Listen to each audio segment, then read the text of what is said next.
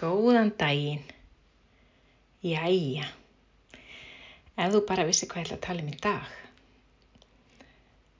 Ég vildi geti tala við þig, það er að segja að ég vildi þú geti svara mér og við getum rætt þetta.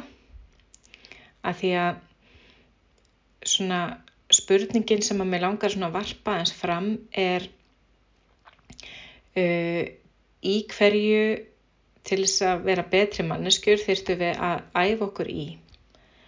Og ég var að hlusta á þáttum daginn þar sem að eitt af því sem kom fram var frá ansimörgum var að rækta með sér samkend og ég held að samkend sé eitthvað sem að ég held að við höldum að við höfum en sé samtóldi snúið af því það er svo erfitt að setja sér í annara manna spór og reyna að skilja því að mér finnst eitthvað erfitt en þér finnst það bara ekkert erfitt. Og hvernig náðu ég þá að skilja það að þér hérna, e, e, e, hvernig þú þá að skilja það að mér líði eitthvað illa þegar ég að gera, þarf að gera þannig hlut sem þér finnst ekki derfiður og svo framvegis.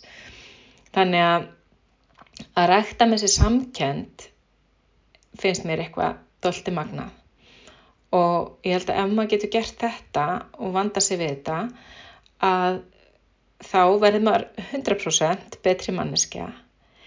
Uh, ég veit ekkert hvernig ég á að segja þér að ræktana nema það fyrsta sem mér dettur í hug og þess vegna hefði við svo gætna vilja tala við Fyrsta sem mér dettur í hug er atriði sem að mér fannst eitt að magnasta í markþjálfuninni að það var að beita virkri hlustun. Það er bara að hlusta á fólk og í rauninni segja nánast ekki neitt nema af dýfka spurninguna kannski.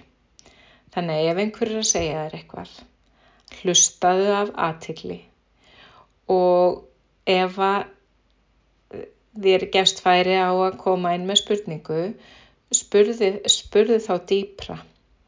Hvernig fannst þér þar? Af hverju fannst þér þar? Hvað svo og hvernig og svo framvegs.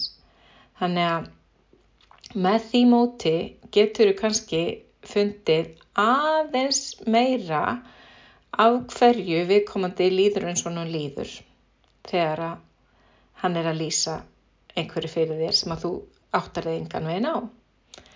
Þannig að ég held að þetta með samkendina sé alveg indislegt að maður getur rækta hana meira og ég vil líka meina að samtöl verði mun innihaldsríkari ef að maður gefur fólki færi á að tala meira og segja meira og útskýra betur.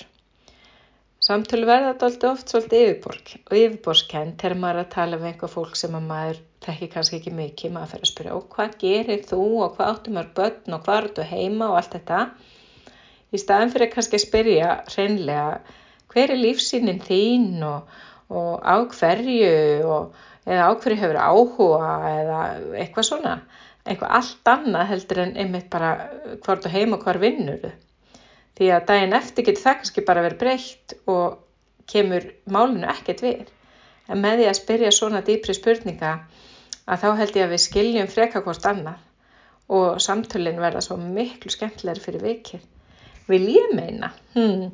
Þannig að prófa þetta í dag að rækta samkendina, reyna svona að setja því annar manna spór og hlusta betur og gáðu hvort að dagurum verður ekki svolítið aðtilsverður eftir það. Ha. Takk fyrir að hlusta.